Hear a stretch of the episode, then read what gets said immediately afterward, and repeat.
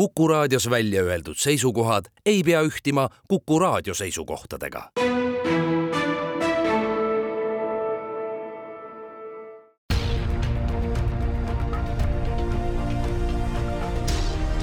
uue samba taga. sammaste taha aitab vaadata sajaaastane eestikeelne rahvusülikool tere, tänane saade tuleb ilukirjanduse tõlkimisest ja selle õpetamisest ning stuudiolaua ümber on kolm inimest, lektor Klaarika Kaldjärv ja kaasprofessor Tanel Lepsoo ning usutleja Madis Ligi. kui vaadata seda statistikat, mis käib meil tõlgitavate raamatute kohta, siis võiks öelda, et kaks kolmandikku on inglise keelest, siis teisena tuleb pika vahega saksa keel ja siis tulevad teised Teie mitte üksnes ei õpeta ülikoolis, vaid te ise ka tõlgite, mis keelest? mina tõlgin hispaania keelest. mina siis tõlgin prantsuse keelest mida peab üks tõlkija teadma selleks, et kindlat joone peal olla, ehk mida ta peab tundma meil peale keele? loomulikult äh, kultuuri konteksti, selle autori maailma, keda ta tõlgib. ma võin rääkida selle ühe ilmutusliku loo, mis mind tabas, kui ma sain aru elus esimest korda, mis asi on tõlge. et äh, see juhtus väga ammu, ma olin siis Pariisis, õppisin äh, ülikoolis ja meil oli selline seminar, mis oli Shakespeare'i seminar ehk et siis äh, kord nädalas äh, võtsime Shakespeare'i ette ja muudkui lugesime ja lugesime seda ja loomulikult siis see Shakespeare'i inglise keel on selline, mida noh, võib-olla inglise keelt rääkija ise ka ei pruugi aru saada, et see oli kõik prantsuse keeles. ja üks asi, mis mind pani kripeldama seal, kõik oli prantsuse keeles ja järeldused, mis sellest tekstist tehti, olid noh, täiesti võimatud, et nad oleksid nagu originaaliga kuidagiviisi olnud seotud, sest et me läksime niivõrd sügavasti sinna sisse. ja õppejõud, kelle nimi oli Jean-Michel Deprat, tema oskas suurepäraselt inglise keelt, sest et tema oli tõlkinud ära kõik kõik, selleks ajaks veel mitte, aga tänaseks kõik Shakespeare'i teosed. aga vahemärkuse korras veel nii palju, et kahekümnendal sajandil on äh, prantsuse keeles ilmunud Shakespeare'i tõlkeid kogutud teoseid kaheksa erinevat versiooni. see on midagi, mis meie jaoks on täiesti hoomamatu. jah, see suurtes keeltes ikka toimub niimoodi, et äh, põhiteosed äh, tõlgitakse korduvalt ja korduvalt ja korduvalt. ja minul siis nagu selle filoloogina ma oleks tahtnud ikkagi seda, siis seda Shakespeare'i teksti näha ja võib-olla mõnda teist teksti sinna kõrvutada sinna juurde, aga ei, ja siis mingil hetkel hetkel ma sain aru sellest, et tegelikult see tekst või see tund oli seal mitte siis nagu tõlketund ega mitte keeleõppetund, vaid see oli teatritund ehk et me õppisime, mis asi teater on. teatri kaudu on väga lihtne seda nagu selgitada, sellepärast et äh, teatri puhul me saame ju aru, et näitleja, kui ta on laval, ta räägib eesti keeles või prantsuse keeles, publik on selles keeles ja mingisugused need originaali nüansid ei oma mingit tähendust, kui nad ei tule sealt nagu läbi nii et nagu läbi selle parapooli ma mõtlesin, et võiks seda tänast vestlust ka kuidagi nagu avada, et äh, mida oleks vaja sellel tõlkijal aru saada, noh, ühelt poolt on need pädevused, eks ole, mis, mis, mis Klaarika ütles, mis tulevad nagu, mida on koolist võimalik omandada, aga noh, teine on ikkagi suhestumine selle enda kultuuriga, selle sihtgrupiga, kelle jaoks see tekst on. jah, noh, eks tõlkeuuringutes öeldakse ikkagi ka, et äh, enamasti, et, et oluline on ikkagi see sihtkultuur või see tõlkekultuur, kuhu see tõlge tehakse ja tegelikult tõlk tõlkijad, äh, isegi kui nad võib-olla sellest endale aru ei anna, mõtlevad selle oma publiku peale. noh, teatritõlge on loomulikult teistmoodi, seal peab teadma ka teatrist üht-teist, et äh, kuidas see tekst ka lavalt äh, kõlada saab, aga, aga muudel juhtudel jah, on, on ju tegelikult see tõlkekirjandus maandub selles, selles kultuuris, kuhu ta tõlgitud on ja hakkab seal suhtestuma siis teiste, teiste teostega. Ja tegelikult ütleme, Taneli näite puhul inglastel ei ole sellest midagi, kuidas prantsuse keeles Shakespeare kõlab, see ei puuduta neid või noh, mina toon alati Cervantese Don Quixote näiteks, et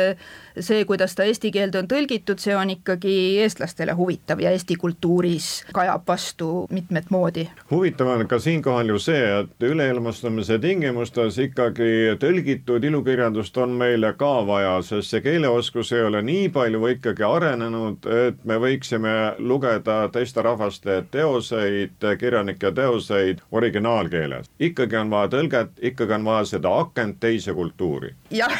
ma püüdsin äh, eelmisel aastal millalgi äh, tegelikult uurida välja kuidas on Eesti inimeste keeleoskused arenenud, noh, kuna meil see instituut sellega ju tegeleb, siis me peame nagu silma peal hoidma ja mul ei õnnestunud tegelikult midagi välja selgitada, sest et peamiselt äh, saadakse teada keeleoskuse taseme kohta, et inimestelt küsitakse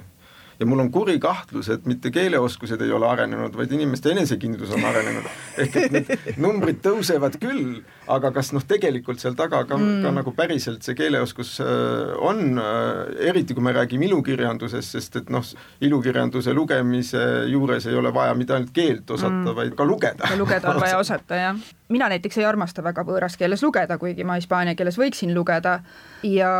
tegelikult ju tõlkimine tähendab ka tõlgendust, see tähendab, äh, ühesõnaga mina kunagi ei ütle üliõpilastele seda, et ärge tõlkeid lugege, lugege originaalis, sellepärast et need tõlgitud teosed on äh, just nimelt meie kirjanduskultuuri osa ja need on tõlgendused sellest originaalteosest, mille on teinud meie oma keele ja kultuurikaaslased, nii et seal on, seal on sees midagi, mida ka tõlkija on tahtnud öelda või kuidas ta seda teost on tõlgendanud, sellepärast tehakse ka neid erinevaid tõlkeid ja tehakse palju et ähm, erinevad inimesed erinevatel aegadel tõlgendavad seda originaalteost erinevalt. just lugesime ühes seminaris magistrantidega äh, väga huvitavat, äh, huvitavaid äh, võrdlusi sellest, kuidas siis neljasaja aasta jooksul Don Quixotet inglise keelde on tõlgitud, et kuidas erineb see tõlge, mis tehti seitsmeteistkümnendal sajandil sellest tõlkest, mis on tehtud siis kahekümne esimesel sajandil ja need on loomulikult väga erinevad ja need kõik on inglise kirjakultuuri osad, mitte siis hispaania Hispaania kirjanduskultuuri osad, kus on ainult see üks Cervantese tekst. aga mida ma tahaksin rõhutada, on, et, et kui me õpetame kirjandust tõlgete abil, mida me, mina ikkagi sageli teen, sellepärast et äh, üliõpilaste keeleoskus ei ole teisel-kolmandal aastal veel selline, et originaalteoseid lugeda, siis kindlasti tuleb seda rõhutada ja vaadata ka seda tõlke küsimust sealjuures ütleme, see näide, mida Tanel tõi, seal võib-olla ei olnud see oluline, sest vaadati seda teatri külge. aga, aga üldiselt, äh, kui ma juba tõlgete abil kirjandust õpetan, siis ma räägin ka nendest tõlgetest, sest äh, nüüd on ka need äh, tõlked osa sellest teost ümbritsevast kirjandusruumist. mulle tundubki, et need tehakse nagu kaks sellist nagu paradoksaalset viga, mis on hästi levinud, aga noh, mida ei saa inimestele ette heita, on ühelt poolt see, et arvatakse, et tõlge on alati sama, mis on originaal, et noh, et, et vahet ei ole. teises mõni, keeles lihtsalt. lihtsalt teises keeles, aga sama asi ja siis sealjuures jällegi äh, arvatakse, et ta on kuidagi millegipärast nagu, nagu madalam mm. või halvem või siis, et ta on nagu, nagu koopia ja koopia on alati halvem kui originaal, eks ole, et kui mul on kodus Mona Lisa see koopia, siis noh, siis on isegi halb maitse, öeldakse mulle. kuigi see originaal tegelikult näeb väga kole välja ja sealt ei paista üldse mitte midagi. aga et äh, et, et see on kuidagi meil kultuuris sees, et me noh, tähtsustame ikkagi nagu seda mm., seda algset ja esimest ja, ja, ja kuidagi sellist originaalset, et sellepärast tõlketeadlased ei armasta ka öelda enam originaal, vaid yeah. kiputakse ütlema lähtetekst yeah., eks ole. et, et just, et nagu, nagu näidata, et ka yeah. originaal ju tegelikult ei ole kunagi originaal, see on alati kuskilt mujalt tulnud mingisuguse teise mõtte või, või, või tegevuse kaudu. ja muutub ajas ja ka originaal muutub ajas, et see, kuidas seda Don Quixotet loetakse, seda ei loe ka Hispaania, kuigi see tekst on nagu muutumatu, aga ka need Hispaania inimesed, kes lugesid seda siis, kui Cervantes veel elus oli, äh, lugesid seda ühtemoodi ja need äh, kooliõpilased, kes on sunnitud seda tänapäeval lugema, loevad seda hoopis teistmoodi. Ja sinna, sinna lugemiste hulka käib ka, käib ka see tõlkimine, lisaks see arusaamine sellest maailmast, mis on täiesti teisel ajal ja täiesti teises kultuuriruumis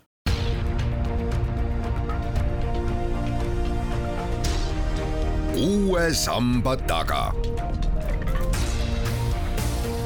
sammaste taha aitab vaadata sajaaastane eestikeelne rahvusülikool üks liin tuleb siia tõlkimisse veel sisse tuua, tõlkida võib originaalkeelest, nii nagu teie näidajate varal võib kinnitada, kuid tõlkida saab ka üle inglise keele, pean siinkohal silmas näiteks meieni jõudnud Aafrika maade kirjandust, mida ei tõlgita ju üldjuhul ikkagi originaalkeelest, vaid üle inglise keele. kuidas te sellesse suhtute? äkki ongi inglise keeles kirjutatud seal Aafrikas,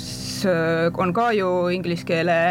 noh, endisi kolooniaid, kus kirjutatakse ilmselt ka prantsuse keeles. no kirjutatakse Nii. prantsuse keeles, aga kirjutatakse ka sellises jah, sellises prantsuse keeles, mida nad seal ise ja. räägivad, mis ei pruugi olla, olla päris prantsuse. no sama näide on võib-olla Ladina-Ameerikast, kus muidugi kirjutatakse põhiliselt hispaania keeles, aga kui on, ütleme siis põlisrahvaste kirjutatud kirjandust Äh, nii vähe kui pa-, või palju kui seda on, siis äh, seda jah, ka saab tõlkida ainult läbi hispaania keele. lõppude lõpuks äh, praegu on minu teada maailmas üks inimene, kes oskab ilukirjandust või sobival tasemel näiteks eesti keelest hispaania keelde tõlkida, neid ei olegi rohkem. enne kui tema ilmus välja, tõlgiti nii, et üks inimene tõlkis sellisesse eesti keelest siis sellisesse algsesse hispaania keelde ja hispaanlane tuli talle siis poole tee peal nagu vastu ja tõlkis siis edasi sellisesse kirjanduslikku keelde. noh, seal tekib muidugi huvitav küsimus, et kelle tõlge see siis on vist ikka tõlgitakse kahel ka erineval eesmärgil, et äh, omal ajal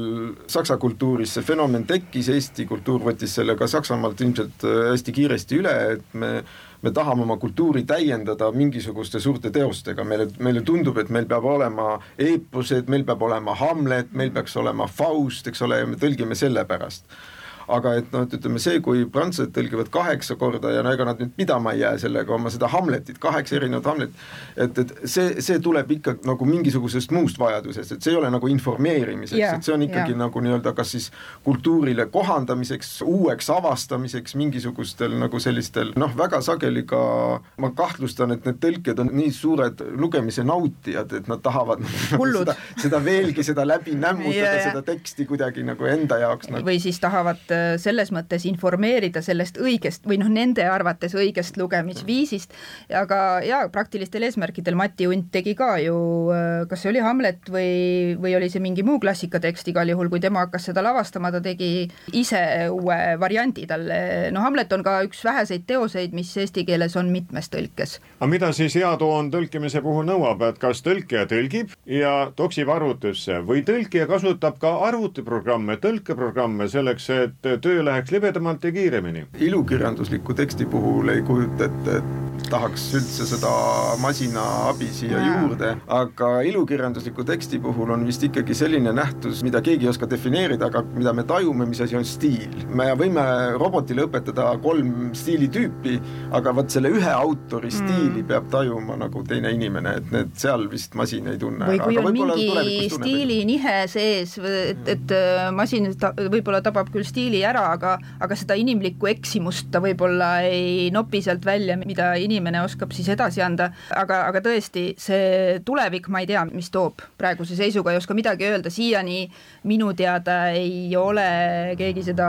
teinud veel, et ilukirjandust masina abil tõlkida, aga no nüüd ma üldse ei ole kindel enam. ta võibki sobida sellisel juhul väga hästi ikkagi, et kui me tahame sellest Aafrika kirjandusest midagi teada ja meil ei mm -hmm. ole inimesi, no siis miks mitte, masin annab mulle selle info kätte, aga tegelikult tõlge ikkagi suuremalt osalt on, on ikkagi nagu, nagu võitlus või see on nagu ühelt poolt on ta nagu selline empaatia, aga samas on ta ikkagi nagu võitlus selle autoriga, et et ma mäletan, et äh, Õnnelik surm, mis on äh, Camus postuumne teos, mida ta tegelikult ise ei tahtnudki, et seda avaldatakse ja siis no ikka avaldati, küll see oli ikka raske, küll see oli nagu selline nagu psühholoogiline võitlus minu ja Camus vahel, sest mulle ei meeldinud see tekst. ja kui lõpuks siis see, see nagu pealkiri ütleb, õnnelik surm, saabus ja see, see peategelane ära suri, ära uppus sinna vette, siis oli meil vahel rahu ja mulle hakkas see raamat nagu meeldima, et, et, et mulle, mulle tundub, et see on võib-olla hea näide selle kohta, et noh, vot robot seda asja ei tee, et ta võitleb mm. autoriga ja siis lepib ära ja, ja. siis jälle võitleb, et, et ega see tõlkijal on ikka jah, ja mina olen ka vihastanud nende autorite peale, kes on kuulsad ja suured ja saanud kirjanduspreemiaid ja, ja lause on arusaamatu ja siis äh, viskaks raamatu vastu seina hea meelega. robot ei suuda kunagi asendada inimest toimetamise puhul mm. ja tõlkimise puhul on see toimetamise töö ka ääretult tähtis, et inimesel oleks seda laia vaadet, nii keele tundmist kui ajaloo tundmist, ehk ta oskaks äh, seda olustikku ja seda maad nii-öelda maastikul paika panna, et kui me seda loeme, siis me ei löö endale otsa, et oi, kuidas see nii läks. jah, minul on tegelikult väga vedanud, ma ei ole ka palju tõlkinud, et äh, lihtsalt on pakutud ja ega ei ole ole väga palju aega, ei jää põhitööst üle ka. aga mul on väga vedanud nende tõlgetega, et mul on olnud kaks toimetajat, ehk siis üks, kes on keeleoskaja, selle võõrkeele oskaja, kes vaatab selle poole üle, et ei oleks otseselt tõlkevigu, ja teine on siis ütleme, eesti keele toimetaja, kes vaatab siis stiiliküsimusi ja, ja noh, tahan väga kiita Mall Põldmäed, kes on olnud minu see eesti keele toimetaja, et on, on alati mulle vastu tulnud ja oleme vaielnud loomulikult ka ja kõik, aga noh, üldiselt äh, ma ikkagi imetlen toimetajate tööd, mina ei, ma ei suudaks seda teha, see on ikkagi väga niisugune aeganõudev, täpne, täpne töö see on paratamatu ka tegelikult, sellepärast et äh, prantsuse keel on minu eesti keele ikkagi väga paljuski ära rikkunud mm -hmm. ja, ja sellepärast on seda kõrvalpilku nagu, nagu väga vaja, sellepärast et mingil hetkel ta kaob see tunnetus ära. minul on olnud äh, suur õnn teha koostööd Helju Valsiga, kes oli suurepärane toimetaja just nimelt seetõttu, et ta kutsus mind pärast enda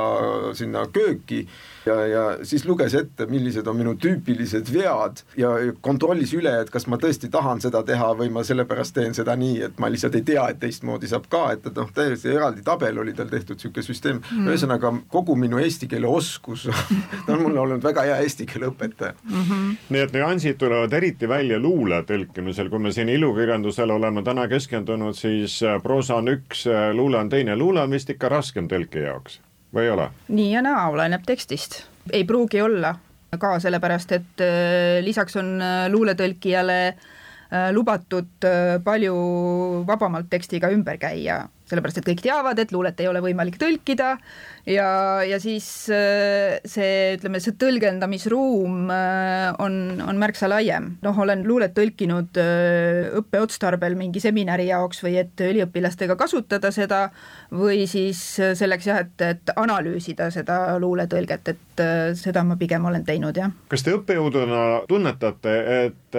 üks ja teine tudeng tuleb ja ütleb, et ma tahan saada tõlkijaks, hakkame arendama individuaalprogrammi ja tahan tarkust juurde saada? saada, on, ilmutatakse sellist huvi? jaa, kindlasti, tähendab, see ei ole nüüd küll massiline, aga, aga on näha, väga paljudes on see tõlkija soov on olemas, aga siin on nagu jah, kaks täitsa erinevat lähenemist, et ühed on ikkagi need, kellest saavad siis nii-öelda need tarbetekstide tõlkijad või kes noh, professionaalsed nagu tõlkebüroodes ja, ja nemad üldiselt ilukirjanduse peale ei mõtle ja siis on teised, need on sellised peidus veel eriti mm., kes ei anna endast märku, aga kelles on aeg-ajalt nagu nad tunnistavad nagu üles, et neil on see, et ma, ma arvan, et ilukirjanduse suhtes lihtsalt on nii nagu loo-, ta on ikkagi natuke loomingulisem, eks ole, kui, kui sellisem tehnilisem töö, et, et lihtsalt loominguline töö nõuabki natuke aukartust või, või seda ootamist, seda hetke, kui sa oled veendunud, et sa noh, seda oskad, et mitte ainult seda keelt ei oska, vaid et noh, natukene mm -hmm. nagu seda mingit, anne on võib-olla palju öelda, aga noh, mingisugust sellist silma selle mm -hmm. tõlkimise peale. ja mina ikkagi põhiliselt sellega tegelen ja, ja eks siis ole näha, milline üliõpilane on eriti osav selle peale, et siis saab teda nagu susida ja suunata et äh, kellel tuleb ikka väga hästi kohe välja. siinkohal on paslik tsiteerida Jan Kausi, mulle see mõte meeldib, sellepärast et ka eile kirjutasin, et lugemine on minu jaoks äh, üle mere ujumine, kuid tõlkimine sukeldumine. jagate seda seisukohta hmm.? Ikka jah, see, mida tõlkija teeb, on ta tõesti närib seda teksti, et, et kui ma just mõtlesingi, et mis me siis natukene teistmoodi mõlemad teeme võib-olla kui selline, selline keegi teine õppejõud, kes, kes ise ei ole praktiliselt kokku puutunud tõlkimisega, sest noh, kõik kirjandusõpetajad ei tõlgi, et siis ikka see noh, see teksti läbinärimine on see, mis ikkagi annab selle, selle lähilugemise võib-olla kogemuse. ma olen ise õppinud selle tõlkimise mm. käigus kirjandust analüüsima ja tegelikult, kui ma järele mõtlen, siis äh, minu oponent, lugupeetud härra Linnar Priimägi ütles äh, minu doktoritöö kaitsmisel, et et see töö on tehtud tõlkija vaatepunkt ja mina ei saanud toona aru, kas see nüüd oli kompliment või oli see etteheide, ma võtsin seda komplimendina, tänasin teda selle eest, aga ma tagantjärgi mõtlesin, et, et ma olen ikkagi rahul, et see töö on tehtud tõesti tõlkija vaatepunkt, siis sest et minu soov seda tööd just nimelt eesti keeles teha oligi, et ma tõlgin ka need tekstid mm -hmm., noh, mitte tervikuna, aga suurelt osalt ära, et et ma siis tajun seda maailma natuke teistmoodi kui lihtsalt lugemisel. aitäh teile, Hispaania kirjanduse ja tõlketeaduse lektor Clarika Kalderv ning prantsuse kirjanduse kaasprofessor Tanel Lepsoo. küsija oli Madis Ligi.